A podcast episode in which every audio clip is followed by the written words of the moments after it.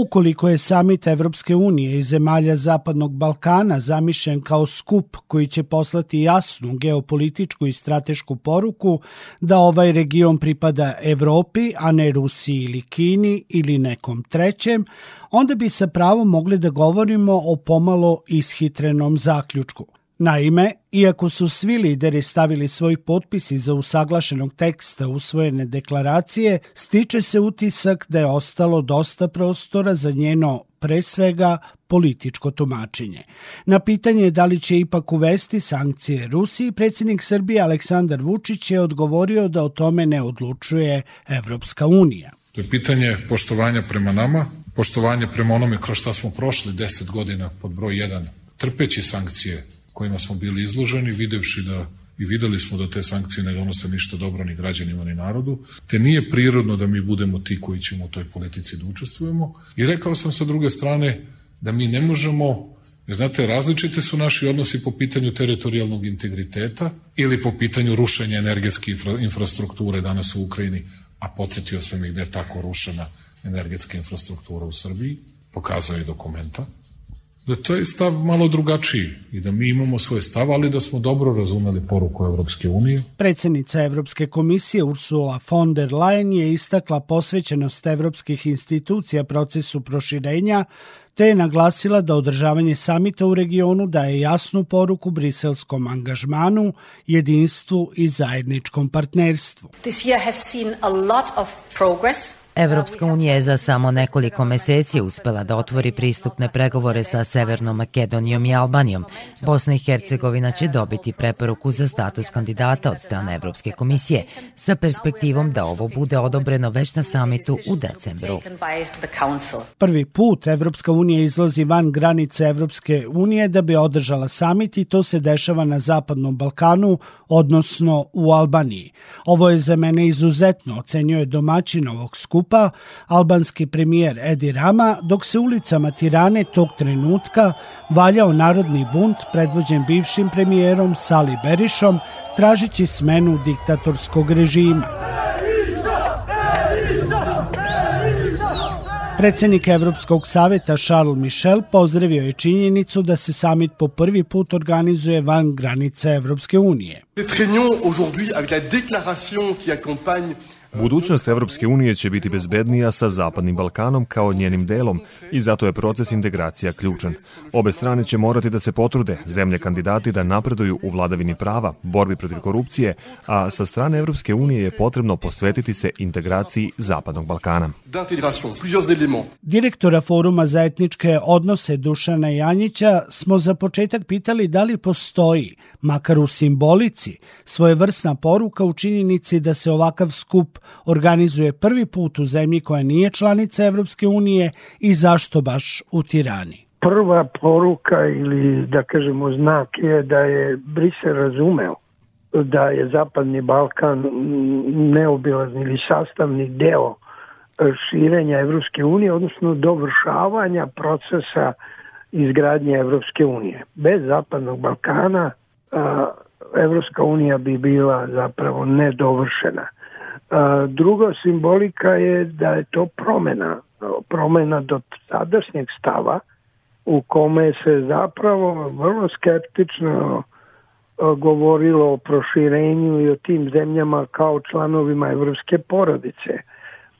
Treća poruka koja je tu apsolutno jasna, to je da ovaj, Evropska unija razume da ne samo nestabilnost Zapadnog Balkana i tih zemalja, je vrlo povezana sa da kažemo i političko-ratnom dramom koja se odvija u Ukrajini, ali koja u suštini određuje mesto Evropske unije, Evrope u novoj podeli sveta. Kad je u pitanju Tirana, a, mislim da su razlozi broj jedan, da je to jedna od trenutno politički najstabilnijih država, odnosno država koja trenutno nema uh, probleme sa susedima.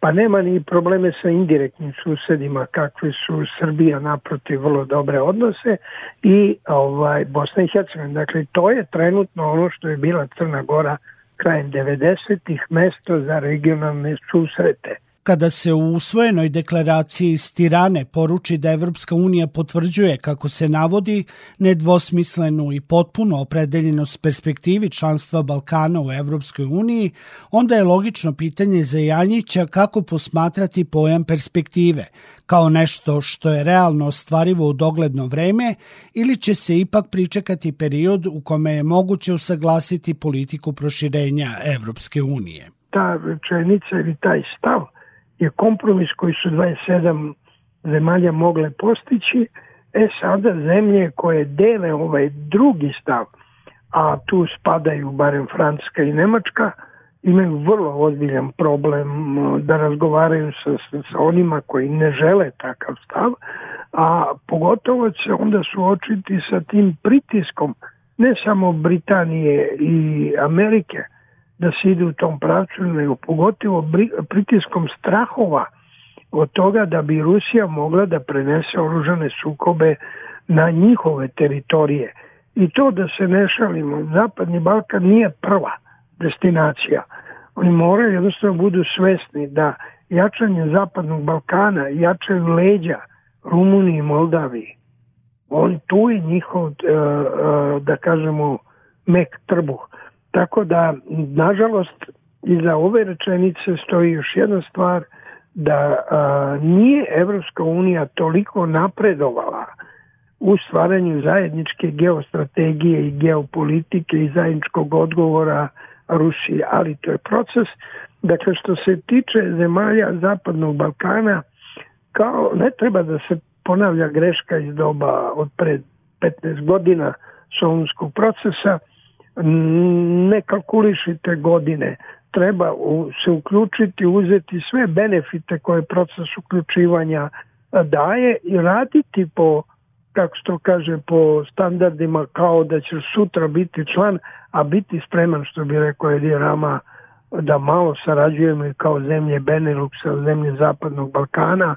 Dakle, za Balkan ta energetska, infrastrukturna i druga saradnja među poslovnim zajednicama i državama Zapadnog Balkana može biti vidljiv i u vrlo kratkom roku, dve do tri godine, osetljiv napredak koji bi onda promenio i ove stavove nevernih toma ili kalkulanata iz zemalja Evropske unije. Dušana Janjića pitamo koliko može biti problem druga tačka dokumenta koja poziva članice Zapadnog Balkana, koje to još nisu učinile, da se usklade sa zajedničkom spoljnom i bezbednostnom politikom Evropske unije.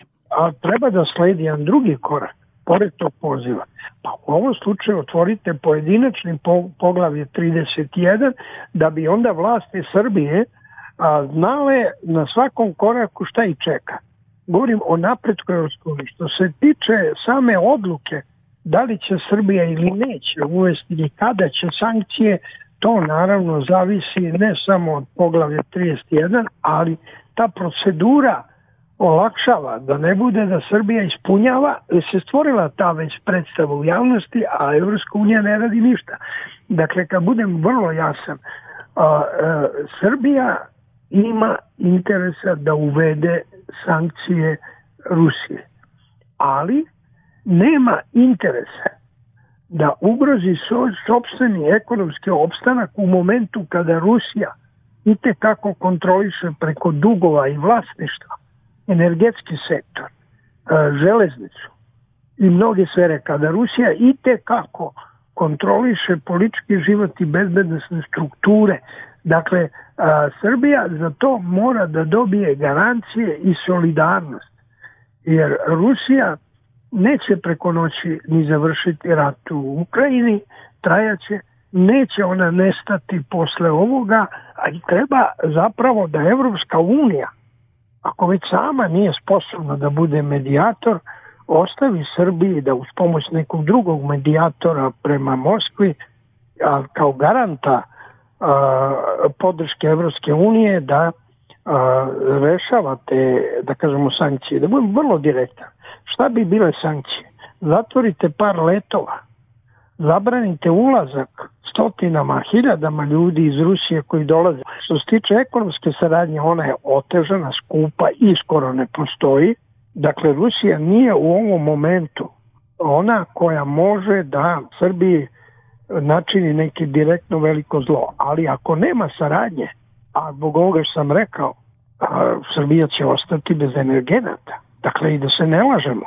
Evropska unija usvojila 6-7 paketa, ali je svaka zemlja dobila izuzete. Pa gospodo, garantujete te izuzetke Srbije zbog razloga koje sam navaju koji su od životne važnosti. Janjića pitamo da li to znači da smo od principa podržavanja temeljnih evropskih vrednosti, odnosno onoga što smo nekada nazivali evropskim standardom, došli do trenutka kada je neophodno da kandidati zapravo usaglašavaju političke stavove sa briselskom administracijom. Ne, to nikad to je bilo opasno. Usaglašavati se s birokratama i diplomatama, to je bilo opasno. Dakle, ono što moraju da nauče, ja sad govorim o vlastima Srbije, ajde Rama je to davno naučio, vodi paralelne razgovore, vodi političke razgovore s političarima zemalja članica i pripremaju uvek aktivnu većinu za podršku tebi. A voditi razgovore na nivou birokratije i Evropske komisije, to vam je udaranje u, u, u kako ga, to je pevati najlepšu pesmu gluvome jer oni će vam ponavljati ovo što smo rekli kao prvi stav deklaracije. Oni rade na osnovu već postignutog kompromisa sa hlasnost svih, a to je prošlost. Mora ovde politički da bude jasno da li idemo u Evropsku uniju ili ne idemo. Tu je naš glavni problem. Kalkulantstvo jedan veliki broj ljudi koji sede u parlamentu i javnosti koji misle da ne treba da idemo, a ima i oni koji bi da odu tamo, ali da ipak što pre i što više dobiju od Rusije. Dakle, nama predstoji jedan ozbiljan, ozbiljan period, ne ću govorim mesecima ili godinama, ali meseci, da se politička retorika sa samog vrha vlasti i kroz medije koje ona ima promeni i da postane proaktivno, da objašnjava zapravo javnosti i političama kao što kaže cost benefit. Šta dobiješ, šta gubiš, ako razvijaš uh, Srbiju kao zemlju, buduću članicu Evropske unije, ali Srbiju, njene reforme i Srbiju koja pri toga ima još jedan važan a, važnu stepenicu koju može lako da osvoji dve, tri godine, to je regionalna saradnja sa zemljama Zapadnog Balkana. To se ne kosi sa ovom deklaracijom, to je neka vrsta nadopune. Samit je bio prilika da se zaokruži pojačan evropski angažman u regionu i to nakon što je Brisel shvatio da mora da obnovi kredibilitet koji je bio narušen zbog neodržanih obećanja – a do konačnog usaglašavanja stavova potpisan je sporazum o nižim cenama roaminga između država Zapadnog Balkana i Evropske unije koji stupa na snagu u oktobru 2023. godine, računajući da bar na ovoj relaciji neće biti smetnji na vezama. Sektor Plus. Svet sa naslovnice.